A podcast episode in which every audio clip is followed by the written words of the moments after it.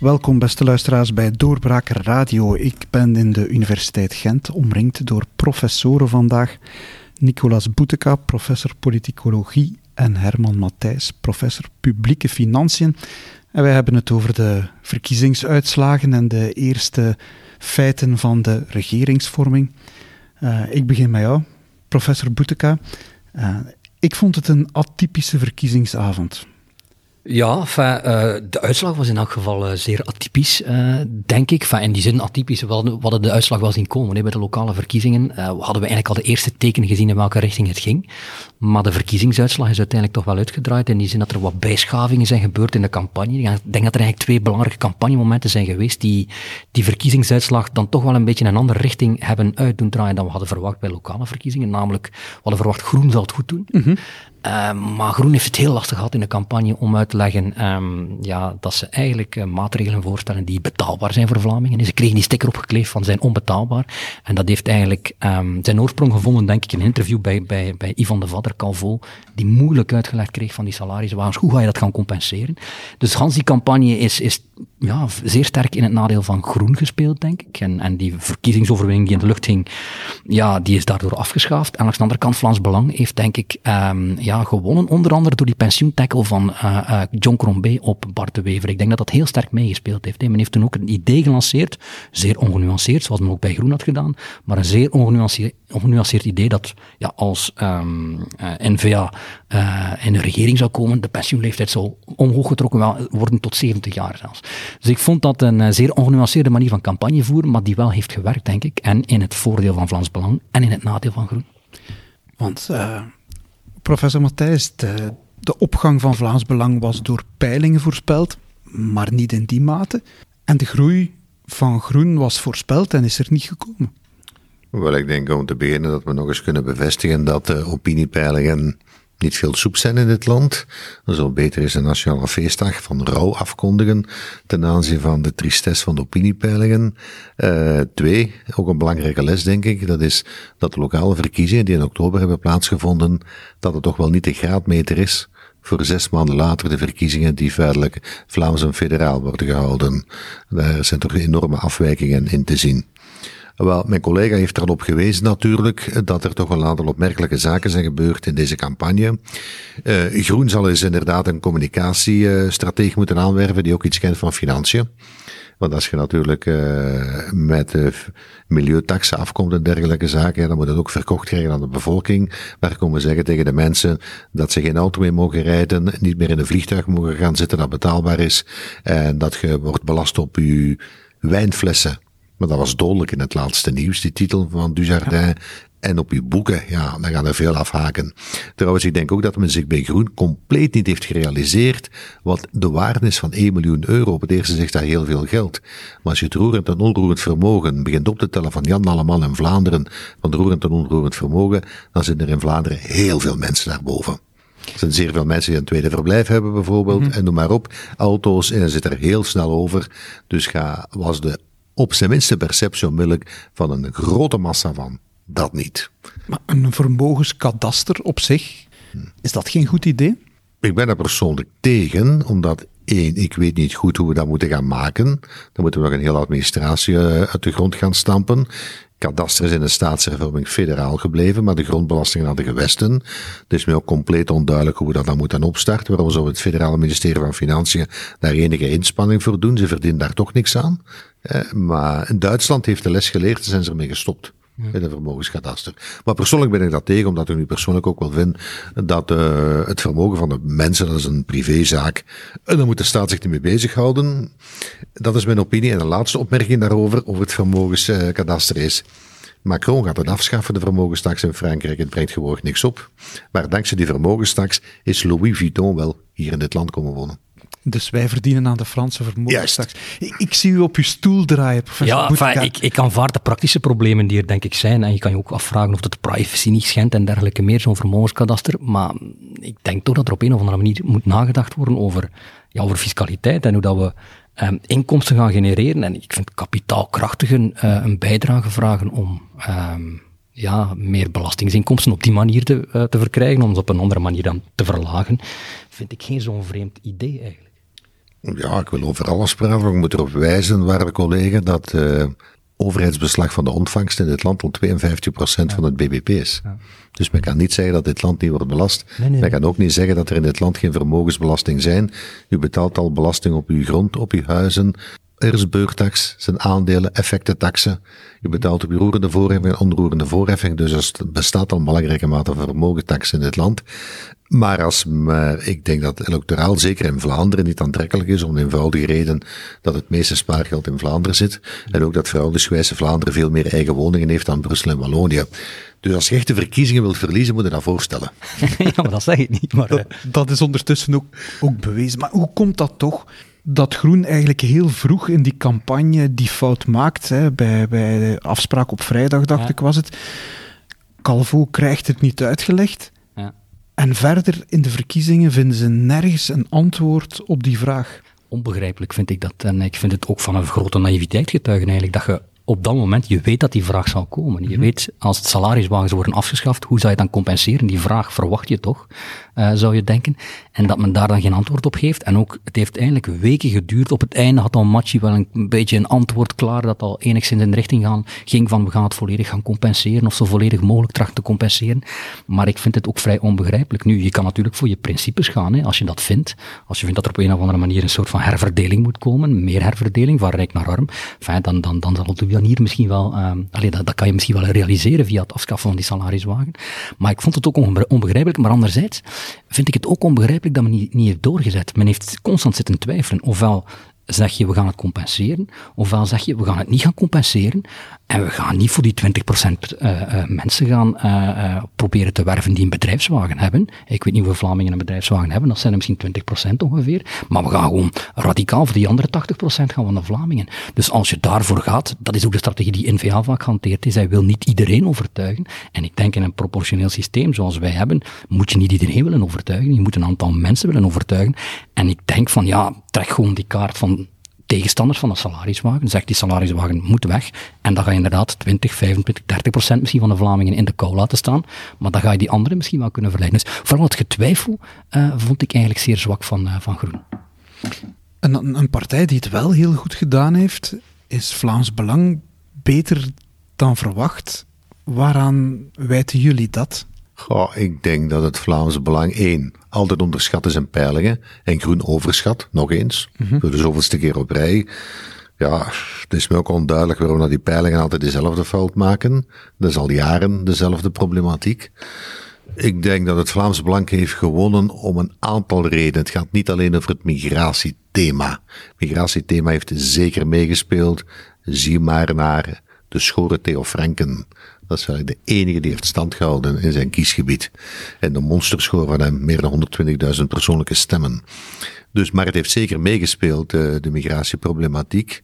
Uh, daar is veel in verkeerd gelopen om allerlei redenen. Verdeelden ze ook de schuld van Europa, daar gaat het allemaal niet over. Maar ik kan me levendig inbeelden natuurlijk dat de tienduizenden mensen die dagelijks vanuit Bachten te Kupen en vanuit het Meetjesland en vanuit Limburg en de Kempen naar Brussel gaan en daar in Brussel-Noord moeten afstappen om te gaan werken in de omgeving en die ziet daar de situatie in Brussel-Noord dat die zeggen ja, dat kan niet meer. Dat is, een, dat is ook een probleem. Mm heeft het nu inderdaad wat over. Twee, er zijn ook andere redenen, denk ik, waarom het Vlaams Belang heeft gewonnen. En dat heeft te maken natuurlijk met het feit dat er een relatief groot ongenoegen is bij de bevolking. Ik merk dat zelf al een hele tijd tijdens mijn voordrachten die ik ga geven in Vlaanderen. Het gaat niet alleen over de migratie, maar de mensen zeggen ook, ja, betalen wij veel belastingen, de wegen zijn slecht onderhouden. We staan we elke dag in de file, daar wordt dan niks aan gedaan. Pakken we een trein, die rijdt nooit op tijd. Comfort van de treinen is beneden maats. In vergelijking met de buitenlandse treinen is dat hier, is dat dan derde of vierde klas dat we rijden. En zo kan ik tientallen voorbeelden geven. Elektriciteit, dat wordt hier nooit opgelost. Nog de problemen van de facturen, nog de problemen van de productie. Blijkbaar is er nu ook al een tekort aan waterproductie in Vlaanderen. Ja, als je natuurlijk problemen begint te krijgen met elektriciteit en water, dat zijn wel twee typische symptomen van ontwikkelingslanden. Dus, en zo zijn er wel nog een aantal andere reeksen. En Natuurlijk, als de mensen malcontent zijn, naar wie gaan ze uitwijken? Ja, niet naar de traditionele partijen. Niet naar Groen, want die gaan alles belasten. En dan, ja, N-VA heeft dat voor een stuk nog kunnen afblokken. Maar dit is natuurlijk een massieve doorbraak geweest van het Vlaamse Belang. Waar trouwens ook van Grieken, denk ik, als enige echt het belang heeft ingezien van de sociale media. heeft er ook massief op geïnvesteerd. Er zijn ook 400.000 nieuwe kiezers in dit land op de markt gekomen. Uh, iets meer dan 200.000, 220, 225 in Vlaanderen, Nederlandstalige kieskring. Daar is het duidelijk enorm op ingezet en blijkbaar hebben die ook relatief in en masse voor het Vlaams Belang eh, gestemd. Stel dat in 2024, als er nog eens over de 200.000 nieuwe kiezers bijkomen in Vlaanderen, dat die nog eens die move gaan maken naar het Vlaams Belang, ja, dan is het natuurlijk een gigantisch accelerator-effect. Want dat is ook de eerste keer, want iedereen dacht tot nu toe dat de Vlaams Belang kiezers feitelijk de Antwerpse dokwerker was, om het wat eh, zwart-wit uit te dokkeren, en wat de ouderen. Ja, maar nu is het duidelijk dat daar, en je merkt dat ook bij de jongere generatie, zeker bij de jongens, ja, die hebben daar heel wat affiniteit voor, dat merk je gewoon. Meisjes minder, maar jongens zeker. Maar van Grieken kent wel iets van communicatie en politieke marketing. Ik denk dat een aantal andere partijen daar wel eens in de leer mee kunnen gaan. Mm van waar die aantrekkingskracht bij jonge mensen voor Vlaamse Belang? Ook bij studenten bijvoorbeeld. Hè. Ze deden echt een tour gericht op hè, de café-tour van Tom van Grieken, waar gigantisch veel, echt, echt heel veel cafés vol jonge mensen kwamen. Mm. Wel, ik, ik ondersteun um, uh, wat collega Matthijs zegt als het gaat over die nieuwe kiezers die daar uh, massaal blijkbaar voor Vlaams Belang hebben gekozen. Misschien, en dat moet nog blijken uit de analyse, heel wat ouder kiesonderzoek toont eigenlijk wel nog altijd steeds aan dat, die kiezers van Vlaams Belang, dat dat oudere kiezers zijn, lager opgeleide kiezers uh, en dergelijke meer. Dus het, het oude profiel is misschien wat afgesleten. Misschien zijn er een aantal nieuwe kiezers bijgekomen, we weten dat niet. Maar ze leken in elk geval aantrekkelijk. Ik heb ook een aantal debatten gedaan met, in scholen en daar bleken zij heel populair te zijn. Uh, ik denk dat de jongeren niet meer terugschrikken um, voor iets wat vroeger wel bestond. Zeker een schroom om te zeggen dat je voor Vlaams Belang stemde. Dat hebben zij denk ik totaal niet meer. En jongeren zijn vaak ook, en dat blijkt ook uit onderzoek, aangetrokken door wat extremere partijen. Zij stemmen niet eerder links of eerder rechts, blijkt uit bestaand onderzoek, maar stemmen wel vaker voor extremere partijen. Extremere partijen die wat duidelijkere standpunten innemen, die wat feller zijn. En ik denk dat daar de grote aantrekkingskracht van onder andere Vlaams Belang in ligt. Ook groen, maar in mindere mate. Sowieso is, is ja, Vlaanderen iets minder links dan, uh, dan, dan er zitten veel meer stemmers op rechts, dus vandaar ook dat er meer jongeren wellicht aangetrokken zijn door radicaal rechts dan door eerder radicaal links in Vlaanderen. Maar het is wel zo, uit onderzoek blijkt dat extremere partijen wel aantrekkelijk zijn. En ik denk door die duidelijke communicatie, door die, die felheid ook waarmee ze, ze communiceren. Maar het lijkt Vlaams Belang ook echt veranderd te hebben. Nu, nu zie je en hoor je Vlaams Belangers in de media die een tong twee, drie keer draaien alsof ja. het CD&V'ers zijn, om, om zeker niets verkeerd te zijn. Ja. Dat is voor mensen van onze generatie die het Vlaams Blok gekend hebben, is dat toch ongehoord, zoiets. Ik denk dat er altijd een vrij strakke organisatie was in, Vlaams Belang, maar uh, de manier waarop ze de laatste week of de laatste dagen zelfs communiceren is, ongezien. Hè. Tom van Grieken is de enige woordvoerder blijkbaar van de partij. Niemand durft nog te zeggen uh, wat hij echt denkt. Hè. Het is Tom van Grieken die blijkbaar alles uh, voor het zeggen heeft. Hij heeft, heeft natuurlijk ook zeer veel macht gewonnen in de partij. Hij heeft twee verkiezingen gewonnen. Dat maakt van hem iemand die ongelooflijk machtig is in Vlaams Belang. Hè. Philippe de Winter, Gerolf Annemans, die hebben eigenlijk geen enkele macht meer in die partij, als je dat vergelijkt met Tom van Grieken. Dus um, het, is, het ongezien. De debatfiches zijn duidelijk doorgedrongen, ook, ook bij Vlaams Belang. Het moest ook een witte zondag worden, nee, geen zwarte zondag. Dat had men duidelijk afgesproken bij Vlaams Belang. Um, dus inderdaad, ja, men, laat er minder vrijheid, denk ik. Maar alhoewel, in, dat in het verleden denk ik dat die vrijheid ook niet zo groot was. Hoor. Je hoorde ook vaak altijd dezelfde mensen. Misschien was het omdat de media vooral op zoek gingen naar diezelfde mensen, Annemans als de Winter en de Winter en dergelijke meer. Maar um, ja, het valt wel op dat ze inderdaad uh, een paar keer een tong draaien voor ze um, uh, ja, eigenlijk zeggen wat ze, wat ze willen zeggen. En eigenlijk zeggen ze nooit wat ze willen zeggen. Hè. Gerolf Andemans, die durft het niet en die verwijst altijd door naar Tom van Grieken nu. Dus ja, het valt af te wachten of dat zal, zal, ja, zal, zal stand houden. Maar is de basis in partij, duidelijk. Maar ziet u het gebeuren dat dat cordon doorbroken wordt? Goh, uh, maar je merkte het natuurlijk ook goed met Vlaams Belang de campagne van Grieken, natuurlijk de jonge man. En Philip de Winter werd naar Benidorm gestuurd voor campagne te voeren weg. Ja. Dan ben je door een Antwerpse stemmen liggen daar voor het rapen schijnt het, maar goed. Um, cordon sanitair, wel laten we zeggen, cordon sanitair is geen wettelijke regeling, hè. dat is zo door politieke partijen afgesproken. Alleen de NVA heeft dat nooit getekend. Hè. Mm Dat is nu wel de grootste partij, die heeft echt nooit getekend. De vraag is natuurlijk, uh, moet dat nu uh, het heiligdom der heiligdom blijven?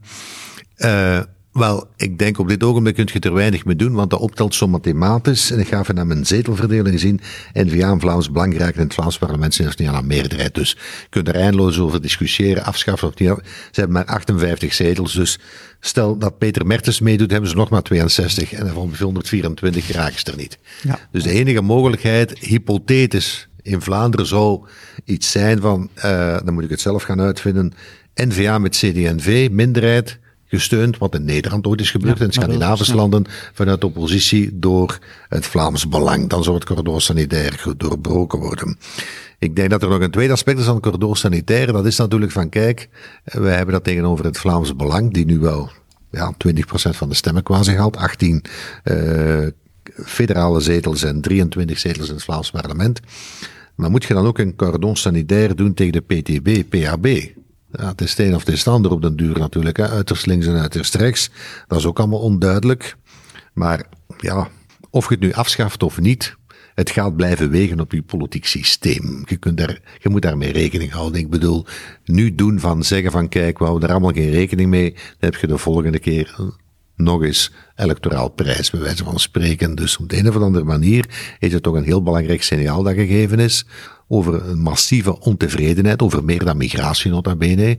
Ja, men zal nu ook eens in de volgende regeerperiode, men heeft nu effectief vijf jaar tijd, ook eens iets moeten doen en dossiers eens oplossen. Hè? Zowel op Vlaams niveau als op federaal niveau. Maar als men nu over twee weken gaat zeggen, ja jongens, we gaan terug naar, de, naar het oude bestuursgewoontes, uh, ja, dat gaat niet meer gaan natuurlijk. En zeker ook de hoogte waarin dat men nu heeft geschoord. Uh, of het cardo sanitair wordt doorbroken. Ja, kijk, er is geen meerderheid in Vlaanderen. Alleen minderheidsregeringen die dan gedoogsteun zouden hebben, zou een theoretisch mogelijk zijn. Maar goed, in Vlaanderen zijn er feitelijk twee mogelijkheden om te besturen. Bourgondisch met een nipte meerderheid en Zweden met zeven stemmen meerderheid. Dus het zal een van die twee worden in Vlaanderen. Dus het Vlaams Belang zal niet in het bestuur komen. Maar heeft natuurlijk nu wel een gigantisch machtige fractie gekregen om natuurlijk te duwen en te stampen natuurlijk in de eerste plaats op de NVA. Zal dat de grote verandering zijn? Een, grote, een groter Vlaams belang dat de NVA opjaagt? Communautair ook? in elk geval valt op dat, die, dat dat communautaire plots weer helemaal bovenaan de agenda staat, waar het... Uh volledig verdwenen was. Um, maar of die communautaire, um, ja, eigenlijk, eigenlijk vind ik dat die communautaire stem niet zo zwaar doorweegt. Als je kijkt, denk ik, het onderzoek moet nog uitwijzen in welke mate die kiezers van Vlaams Belang en van N-VA echt omwille van communautaire redenen, staatshervormingsredenen voor die partijen hebben gestemd. Eerder onderzoek in 2014 um, ehm, wees uit dat, denk ik, 11% van de kiezers van N-VA voor de staatshervorming voor die partij had gestemd en 7,9% van Vlaams Belang. Dus dat is heel weinig. Dus in die zin vraag ik me eigenlijk af in welke mate um, je dit als een soort van confederale stem kan, kan beschouwen. Je voelt dat nu wel, dat, dat N-VA dat uitspeelt op die manier.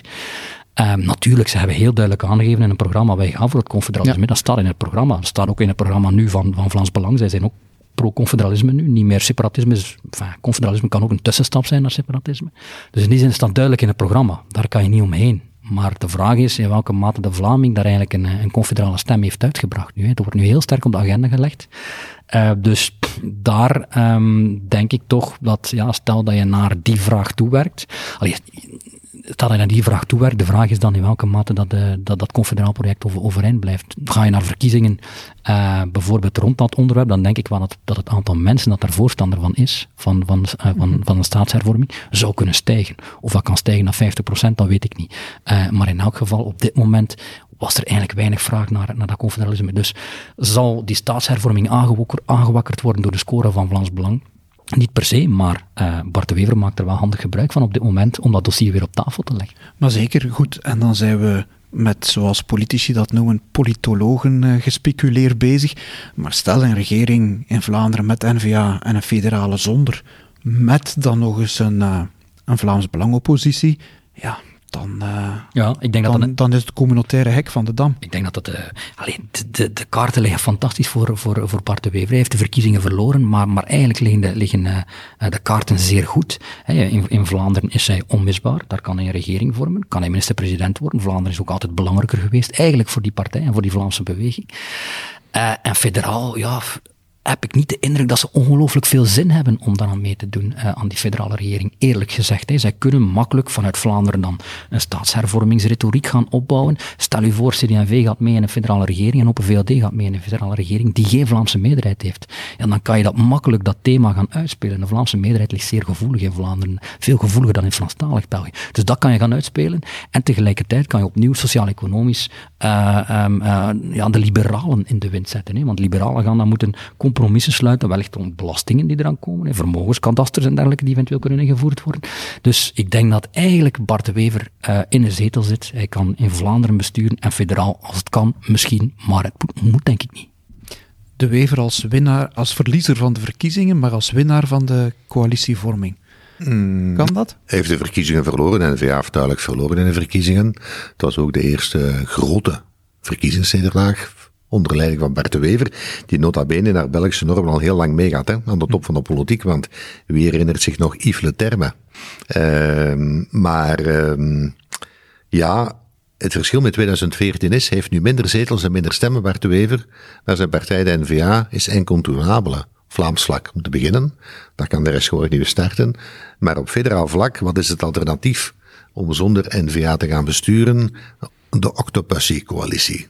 Genaamd naar de James Bond film uit 83. Wij noemden het Trado Groen. Ja, enfin. Dus wat Europa voorstelt gisteravond op La Une, is met acht partijen.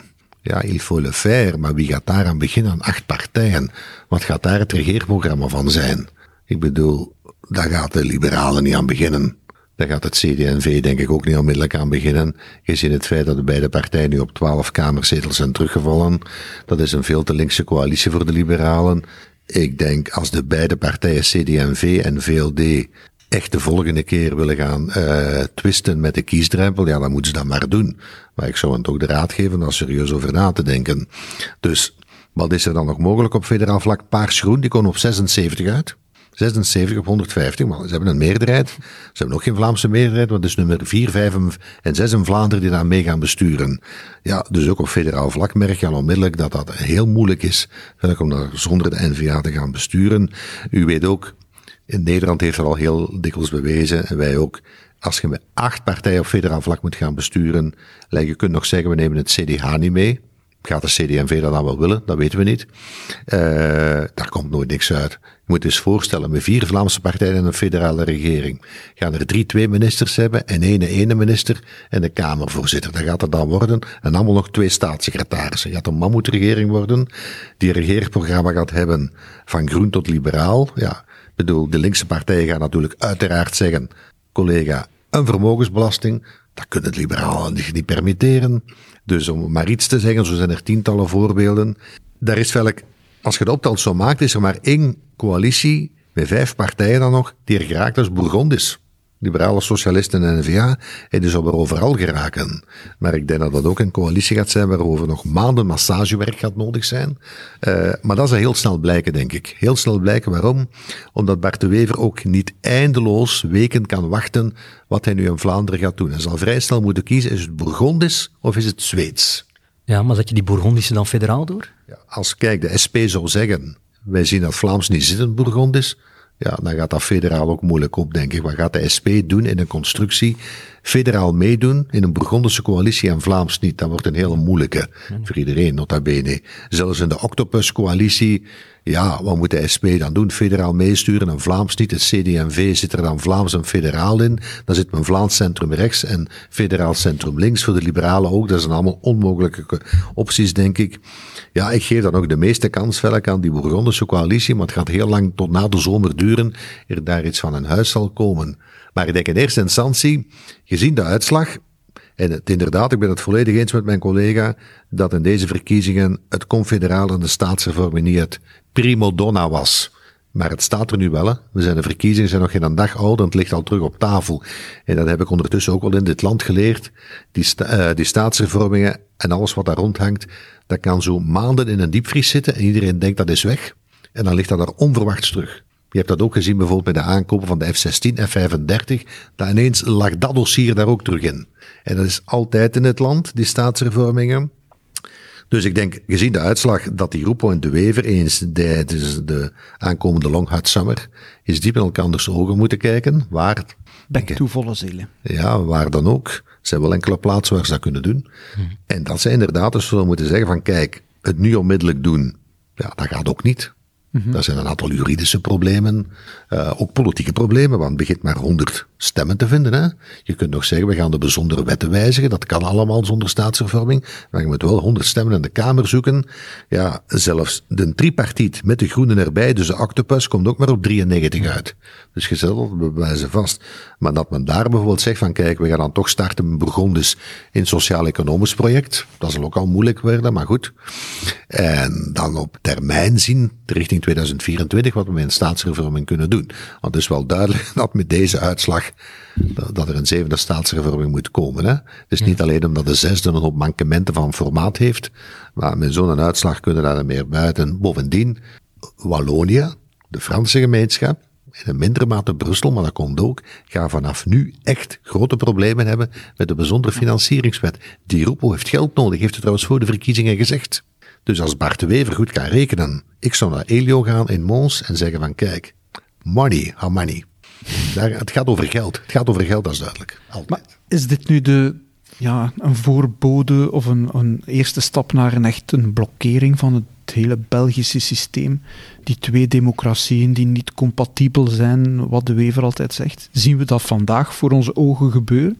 Wel, ja, ik denk dat de analyse van Bart de Wever, die hij al jaren maakt, op dit moment wel voor een stuk wordt bewezen. Daar kan je volgens mij niet onderuit. Die is, is, is op dit moment lijkt die waterdicht, die analyse die hij heeft gemaakt.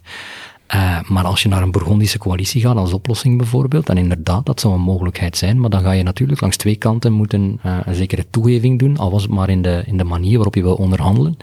Namelijk, Di Rupo heeft altijd gezegd, ik wil geen staatshervorming, heeft natuurlijk ook wel gezegd, ik wil die financieringswet gaan wijzigen, en daar ligt een sleutel. Geld is, is vaak een sleutel in staatshervormingen om de Franstaligen te overtuigen. Maar langs de andere kant gaat ook N-VA iets moeten doen hè, op dat moment. N-VA zou moeten zeggen, ze hebben nu eigenlijk altijd gezegd, we gaan nooit meer voor dat, dat knip- en plakwerk staatshervormingen, wij zien dat niet meer zitten. En wij gaan voor confederalisme of niks. Het is dat of, of, of, helemaal of niks. Dus als je dat blijft, als je dat principe blijft hanteren, dan is, is, ja, is dit ook geen oplossing, die Bourgondische coalitie. Ik, ik denk inderdaad dat daar een mogelijkheid ligt. Maar dan ga je inderdaad langs beide kanten um, ja, toch een zekere um, andere aanpak moeten, uh, moeten, moeten hanteren. Goed. Heer professoren, uh, het laatste woord over heel die regeringsvorming is nog niet gezegd. Het wordt een long hot summer waar we al dan niet uh, nog eens naar Octopussy kunnen kijken. Ik dank u voor het delen van uw analyse en ik heb zo het gevoel dat we elkaar nog wel eens terug zullen zien. Nicolas Boeteka, Herman Matthijs, bedankt. Graag gedaan. Graag gedaan.